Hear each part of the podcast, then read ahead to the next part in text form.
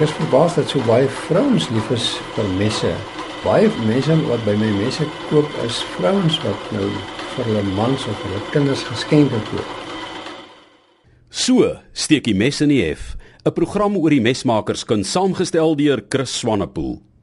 Die mesmaak, dit was in standaard 5, het ons begin op skool met metaalwerk. In die matriek hulle kry ons 'n eindjaar projek wat hulle doen. Een van die matrieks het 'n Bowie gemaak. En ek het daai dag het ek vir die onderwyser gesê, my matriekprojek gaan ek 'n mes maak. En toe einde van die dag toe ek 'n matriek kom te mag as ek my mes maak, want dit is te gevaarlik. Charles Pinaar, rekenaarkundige van Somerset Wes, wat spesialiseer in die outomatisering van besigheidsprosesse. Om die waarheid te sê, ek het voorheen het ek baie lief gewees vir houtwerk en ek het niks geweet van staalwerk nie eers nadat ek afgetree het. Toe eintlik my skoondogter my voorgestel aan 'n persoon in Pretoria wat messe maak en toe ek gaan kyk en besluit maar dit lyk lekker en ek dink ek kan dit doen. Dr. Henny van Sail, landboukundige van Stellenbosch. En ek het toe na kursusse gegaan by Andre Thorben. Hy was daardie tyd een van die voorste mesmakers, nou nog 'n goeie mesmaker en 'n goeie leermeester. En ek was vir 'n kursus van 2 dae by hom. Dan leer jy die stappe, jy maak jou eie mes in die proses. En dan as jy as jy nog nie daar uitkom met 'n groot lus vir messe maak nie, dan moet jy dit los, maar ek dink dit is 'n sterk motivering. Ek het 'n 3-dag kursus gedoen by die Herbs Knife Academy bo in Pretoria toe ek nog in Pretoria gebly het. Hulle vat jou deur die basiese van begin tot einde binne 3 dae en hulle wys jou die basiese en van daar af gebruik jy maar die internet en jy leer en vra vra. Die beginplek is eintlik jy besluit oor jou ontwerp en dan teken jy dit op 'n uh, eh, papier uit en dan dra ek dit oor op 'n harde papier. En as jy nou 'n klomp messe maak van dieselfde vorm, dan sou jy vir jou 'n templaat maak van vlekvrye staal sodat jy almal op dieselfde vorm kan uitsaag. Maar hier het ek nou net eh, 'n uh, bestelling wat ek net een mes van 'n tipe maak. Hier is nou toevallig 'n baie duur stuk damastaal, maar die gewone staal wat ek gebruik is N690. So jy gaan hierdie mes nou op die plaat sit en uitteken met 'n graveerpen op die syrande rondom en dan op daai plekke gaan jy nou begin met die saag, met uitsaag. My metode is maar met 'n pen en papier en jy teken as jy nou vaste lem doen of 'n knipmes, jy teken jou ontwerp. As jy 'n sakmes maak, teken jy ontwerp, dra dit oor in karton, sny dit uit 'n karton uit en jy kyk of alles mooi pas. En sodra jy jou ontwerp gefinaliseer het en jy is nou gelukkig, dit lyk nou vir jou na iets wat jy gaan maak, dan sal jy nou begin by jou staal. Jy sal jou staal uitsaag. Jy sal die vorm uitbring uit die staal uit van die mes wat jy wil hê. Hierdie is 'n dis ook een van jou belangrikste, dit is 'n baie goeie saag wat die meeste mesmakers gebruik. Jy gebruik 'n baie metal lem wat baie sterker is as die ander vir harde staal en hy het uh, baie fyn tandjies en hy loop teen 'n baie stadige spoed. En jy saag hom op die lyne uit. Nou 'n goeie saag loop sag.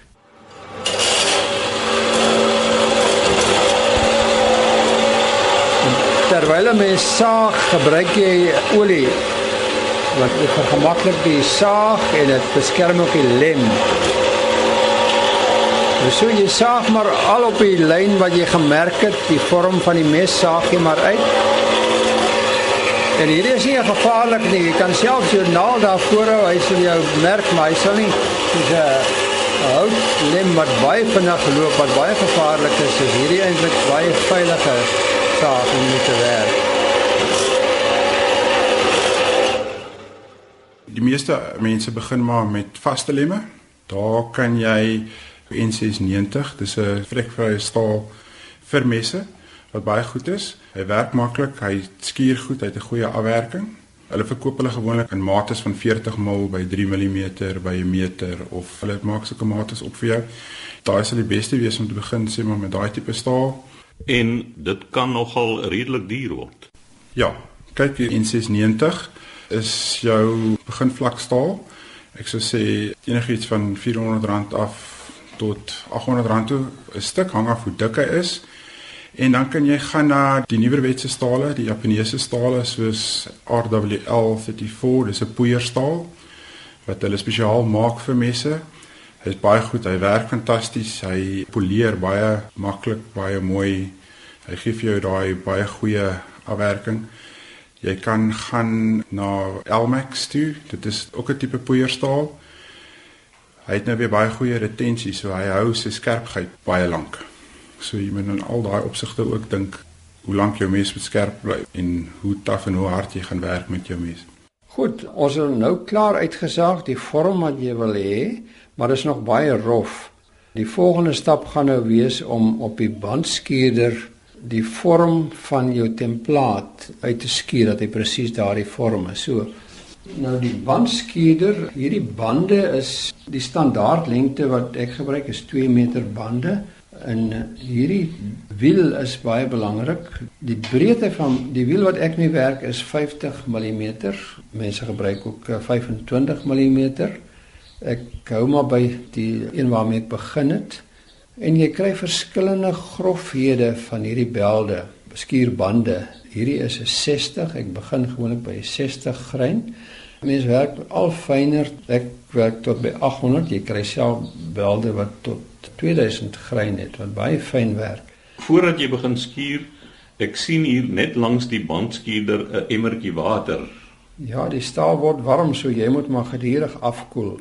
En veral as jou mes verhard is, dan wil jy nie hê die staal moet weer warm word nie, want die warm maak maak hom weer sag. So jy moet gedurig in die emmer water druk om af te koel.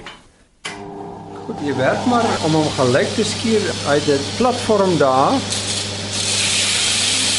Ek skiet dit, ek staan nou hier. Mens moet maar versigtig wees as hierdie skiet dan kan hy nogal baie vinnig skiet as jy hom so los, so mens moet maar uit die pad uit staan dit is om hom aan die bokant plat te maak en vir die krommings uh, gebruik 'n mens hierdie wiel om hom hier te skuur. En jy het verskillende grootte wiele. Hierdie is die 300 mm wiel wat ek veral vir die holslyp belangrik is. Maar dan het ek 'n 75 mm wiel en vir die knipmense ook 'n 25, maar jy kry verskillende, maar dis die drie groottes wat ek gebruik.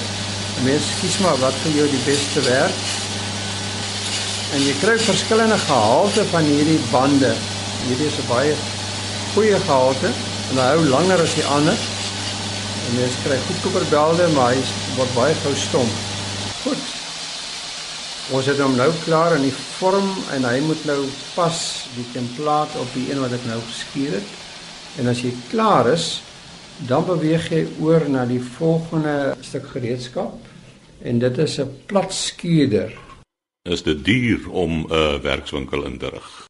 Daar kan ons gaan, jy kan baie basies gaan. Ek weet van mense wat met gewone handveile mes maak. Jy kan vir jou hierdie gewone klein skiedertjies koop kan jy gebruik. So jy hoef nie, jy kan baie baie laag begin met 'n baie lae uitgawes of jy kan groot gaan. Jy kan van die beste masjiene gebruik. Ek weet van mesmakers wat van die masjiene wat hulle koop kos 'n miljoen rand. Dit is hierdie CNC milling machines waar jy die kode moet skryf, so jy teken 'n driedimensionele prent, hulle skryf die kode en dan vat daai masjien en sny dit uit die staal uit vir jou. So ja, jy kan begin waar jy gemaklik is. Nou die platskuurder is jou mes moet absoluut plat wees, so die, die verskillende stukke moet daarop pas. Nou hierdie gaan ek net voorlopig skuur dat hy net die grofheid van die rande weghaal.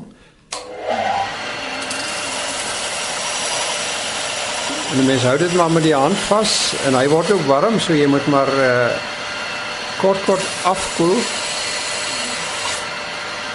Nou die interessantheid hierdie plat skuurder hy het 'n aluminium wiel dit so 250 mm deursnit.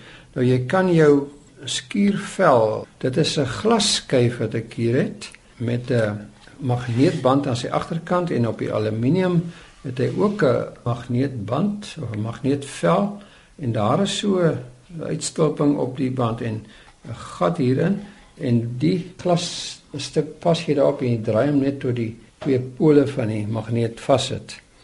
En die voordeel hiervan is dat jy kan 'n klomp van hierdie skywe dan ruil jy kort kort net die skuurvel om wat jy Anders moet jy elke keer die skuurvel aftrek en weer 'n nuwe een opplak. So dit gaan net baie vinniger. Jy moet geduld hê, duidelik baie geduld hê want jy skuur jou partyslaaf voel dit of jy vir jare lank skuur in daai staal. Kreatief wees en perfeksionis tipe persoon, hulle doen gewoonlik goed. Altyd streef vir daai beter mes elke slag wat jy probeer 'n mens maak.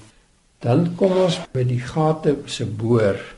In die hefgedeelte word daar 'n aantal klein gaatjies geboor. In hierdie geval is daar 4 gate vir die bolster en dan is daar nog 2 gate wat ek noem die gitsgaatjies en dan is daar weer 4 gate om die hefstukke vas te sit. En dan sien jy die groter gate. Die groter gate het 'n tweeërlei doel. Een is om die hefgedeelte ligter te maak om staal te verwyder, maar dit help ook om die epoksie as jy die hef hier vassit net gou hier vir jou wys. Hier is twee stukke wat nou pas gemaak is. Die epoksie word in die hefgedeelte word ook gate gemaak. Die epoksie word hierop gesmeer en dit sit hier vas en jy vul dit dwars deur dat die twee kante aan mekaar reg. Dus ek sê die gaatjies pas net op mekaar. So nou gaan ek die gaatjies boor met die staanboor.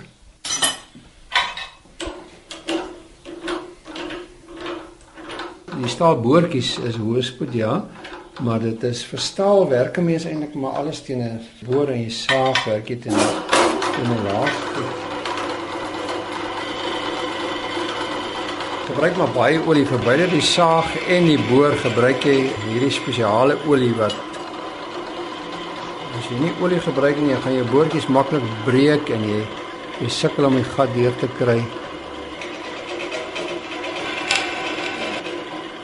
Goed. Die gaatjies boor jy ook nou. Jy teken eers jou gaatjies op jou template of jou papiervorm in dat jy presies weet, jy merk dit vooraf af waar jy die gaatjies moet boor. Nou word hy verhard. Al hierdie gaatjies in die platskuur doen jy vooraf, maar nou word hy toegedraai in 'n vlekvrye staalfolie en in 'n oond gesit. Hy is gemaak uit daai wit vierstene. Hierdie is nou vir die klein messies. Die gaatjie in die middel is 40 mm en hy's 600 mm lank. So jy kan nie veel langer gaan as dit nie. So jy kan nie nou swaarde en groot goed in hom maak nie hy is in 'n brandvaste houertjie sodat jy nie jouself brand nie want hy raak nog ons redelik warm. Jy weet as jy 'n stuk staal van 1100 grade hier uithaal dan staan jy nog ons wyd weg van daai stuk staal af. Hy het 'n termometer wat jy kan stel die verskillende temperature en dan kan jy hom stel dat hy in stappe opgaan na verskillende temperature toe. So sommige stale wil hê jy moet dit warm maak stadig en dan op die tweede stap van die temperatuur tot op sy maksimum temperatuur kom. So jy kan hom stel dat hy gaan sê maar tot by 700 en hy kan daar 'n paar minute wees en gaan hy tot 800, dan sal hy nou weer daar 'n paar minute wees tot hy nou kom by sê nou maar 1050. Sodoende kontroleer hierdie klein rekenaartjie dit nou vir jou. En dan word hy onmiddellik in 'n uh, oliebad gesit om af te koel. Hy moet so vinnig as moontlik afkoel na ten minste 600 grade. Maar dan as jy hom uithaal, dan is hy nog sag genoeg. As hy skief getrek is, kan jy hom met die hand buig. Dan so na 15 minute hy nou weer sy vorm bereik en dan is hy hard. Nou die kristalline vorm van die staal verander met die verhitting. Jou koolstof los op in die staal. En uh sodra hy afgekoel is en jy is tevrede dat hy reguit is, dan maak jy hom weer koud. Jy kan hom in jou vrieskas sit by -20 of die beste manier is eintlik om by vloeibare stikstof af te koel wat tot by minus 70 grade gaan. Dit is net om daai veranderingsproses wat plaasgevind het om dit te stabiliseer. Nou dan as hy daar uitkom, dan is hy uh, baie hard. Die toetsskaal is Rockwell. Nou ons messe is in die orde van 56 grade en hierdie uh, RWL 34 kan tot by 62 Rockwell gaan wat baie hard is. Kyk as jy hom nou verhard het, dan is daai stuk staal soos 'n stuk glas, hy's baie bros. So as jy hom nou temper, dan bring jy 'n bietjie van die tuigheid terug. So dan sit jy hom weer in die oond by 180 tot by 200 grade. Die doel daarvan is net om daai brosheid uit te haal en dat hy bietjie buigbaar is. So dan die tempering ontspan die molekules en dit beweeg in die regte formasie in en dan dit bring die taaiheid terug in die staal. So dan kan jy hom buig en hy sal nie sommer net breek van brosheid nie. Hy staan soos 'n veer, hy kan baie buig, maar hy sal nie breek nie. Ja, die volgende stap na verharding. Die holslyp is dan nou eintlik die moeilike deel. Dit is waar 'n mens gewoonlik maar die meeste oefening nodig het. Nou dit word ook op hierdie bandskierder gedoen. Nou daar's 'n skaal hoe groter jou wiel is, hoe groter is hierdie holte wat jy kan bereik. Met hierdie wiel kan ek omtrent 300 kan jy omtrent 22 mm wye holte maak. Jy kan ook 'n plat, baie mense van die tafelmense, kombuismense sien jy's plat geskier, dan het jy 'n spesiale platform waar jy hom so hou. Maar ons doen dit maar altyd die holskier. Nou ek sal net vir jou wys. Dit is nog 'n bietjie van 'n kuns om aan te leer en dit is waarmee mense meeste sukkel as jy begin skuur. Nou goed. Wat ek nou reeds gedoen het op hierdie mes, daar het ek nou 'n merk gemaak en ek maak ook hier onder 'n gleufie waar ek begin met die skuur. Daar het ek 'n merk gemaak tot waar die holte gaan en hier onder merk jy die middel van die lem sodat jy weet jy skuur net tot daar. Dis omtrent 'n 0.7 mm daai twee lentjies wat daar loop 0.7 mm en jy skuur tot daar.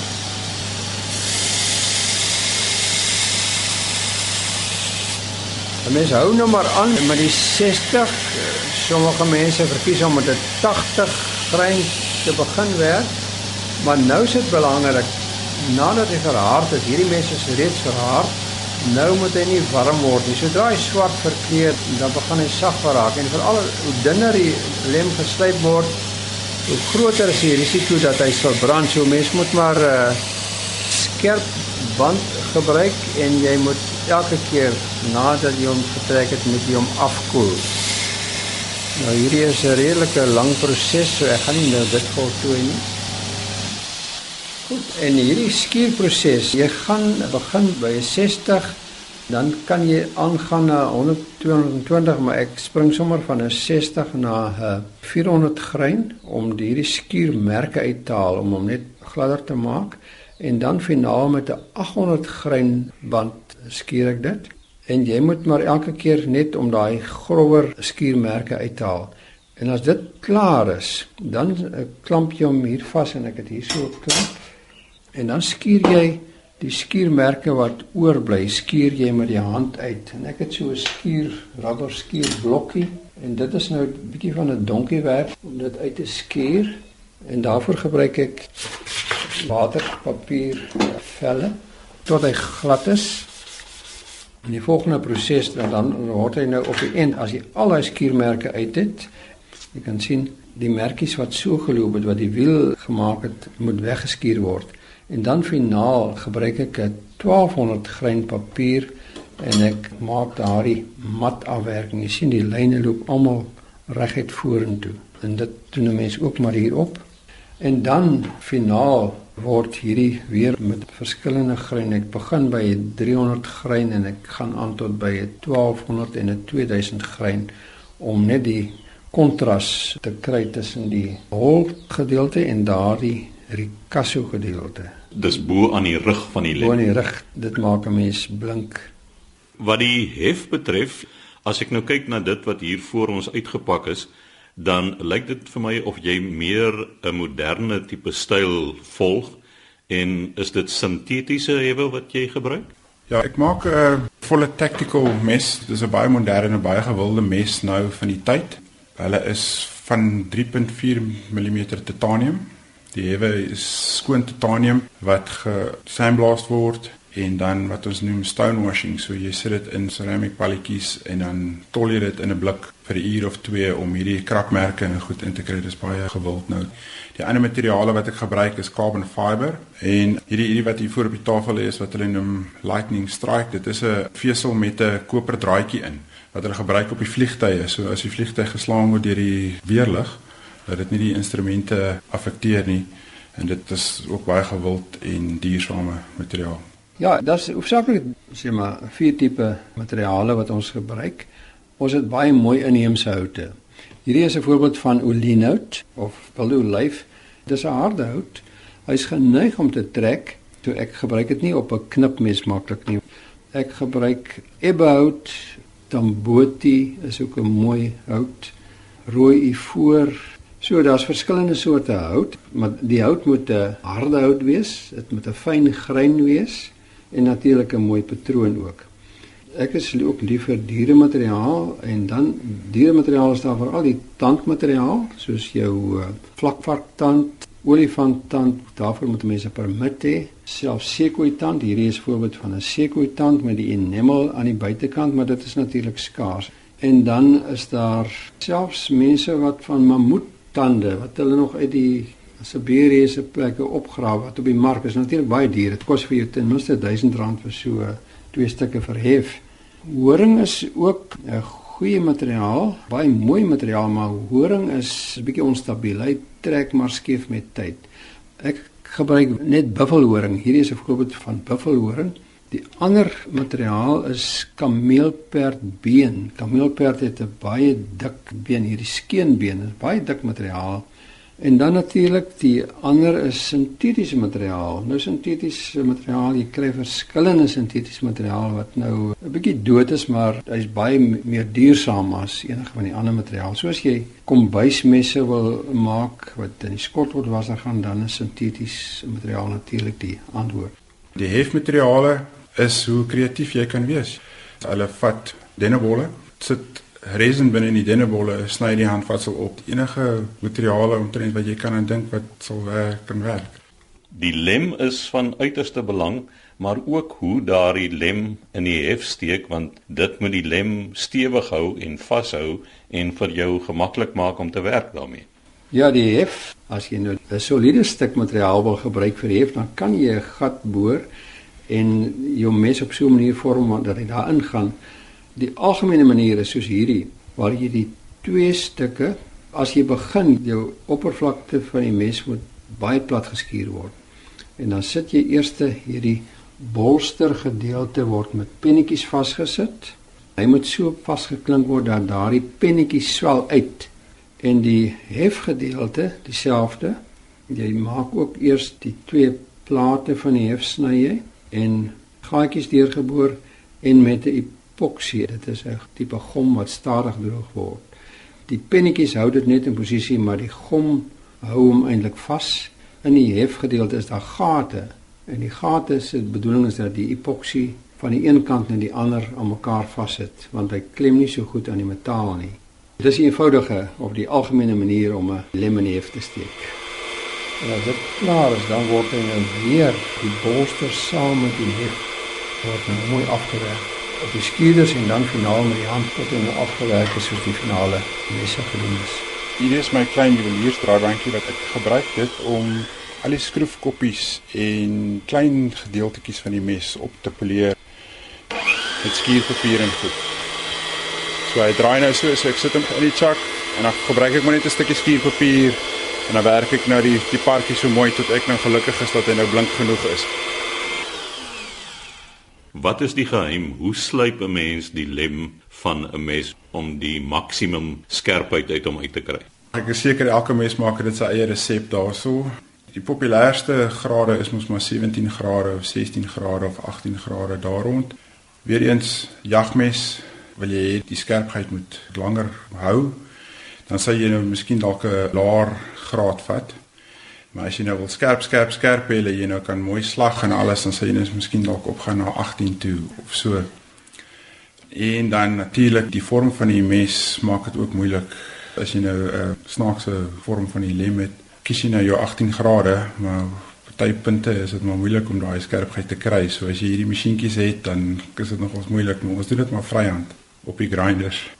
As ek kyk na die lemme hier voor my, jou voorletters, die is ook op die lem op watter manier plaas jy jou embleem op die lemme? Ja, dis 'n spesiale proses. Eintlik is hierdie proses is etsing. Jy maak dit op die rekenaar die ding reg met jou naam of jou embleem. Dit is dan agtergrond is swart en die naam is eintlik deurskynend op 'n transparant.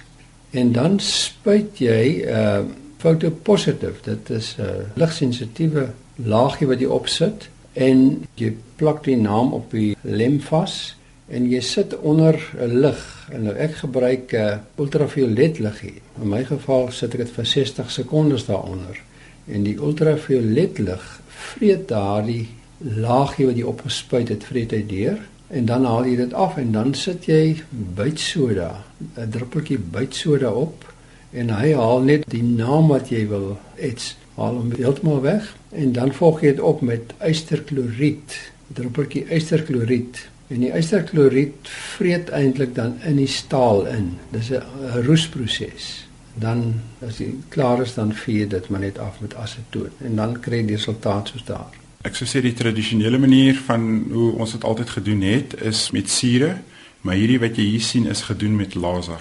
Ek gaan hier na die drukkery. Hulle het 'n lasermasjien daarso waar jy sit en jy kan enigiets. As jy dit kan teken op 'n rekenaar, met kringetjies en draaitjies en waar jy kan dink hulle sit hom vir jou op die staal. Hulle kan hom vir jou swart brand of hulle kan daai masjien stel dat hy dit dit skoon brand laat dit blink. Dit is baie unieke en 'n nuwe metode van doen nou deesdae. Nou, as hy nou daar lê soos die voorbeelde waarna ons nou gekyk het, hy's nou klaar. Watter bevrediging verskaf dit aan die mesmaker? Ek dink dis die grootste bevrediging. Weet jy, dit is wat ek geniet van die kursusse aanbied, want ek het dit self ervaar toe ek my eerste mes gemaak het. Jy kan nie vir jouself glo dat jy so mooi ding uit 'n grower stuk staal en 'n groot stuk hout gemaak het nie. Dis 'n geweldige bevrediging. Die bevrediging vir my is my vrou sonder baie lag. Ek is baie perfectionist. Ek maak iets 10 keer oor voor ek dit verkoop of ek dit vir iemand gee. So my bevrediging is is daai klaar produk wat 100% werk soos ek het gesien het hoe ek dit wou gehad het om dit te werk. En dan die ander bevrediging is om te sien as jy daai mes vir iemand gee, daai uitdrukking op hulle gesig. Hulle dink dis die beste ding wat hulle nog ooit gesien het, maar hulle weet nie al die swaar kry en al die foute eintlik wat daarin is nie. Wat jy raak sien, maar niemand anders raak sien nie. Wat maak 'n mens nou met die messe wat jy maak? Mens kan dit onmoontlik nie alles vir jouself hou en iewers in 'n messekas uitstal en gaan kyk soms en tevrede voel met hierdie pragtige mes wat ek gemaak het nie.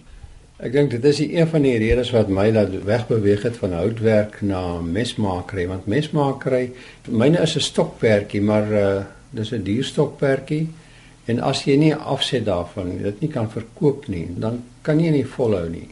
So 'n mens probeer maar altyd 'n mark kry daarvoor en daar is 'n goeie mark daar's baie mesmakers Maar daar's baie mense wat soek vir 'n spesifieke handgemaakte mes wat hy nou self kan voorskryf hoe dit gemaak word of hy sentiment het oor die materiaal wat jy gebruik soos 'n spesiale bok wat hy geskiet het se horings of 'n spesiale hout wat vir hom betekenis het. Dit is altyd daai sentiment wat daaraan gekoppel is.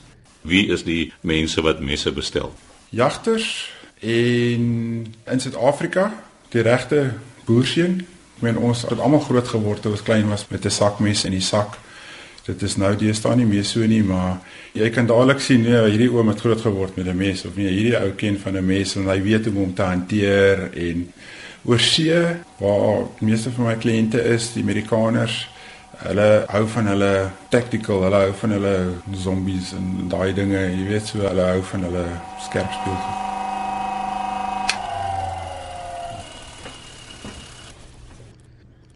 Dit was So steekie mes in die hef, 'n program oor die mesmakerskuns, saamgestel deur Chris Swanepoel.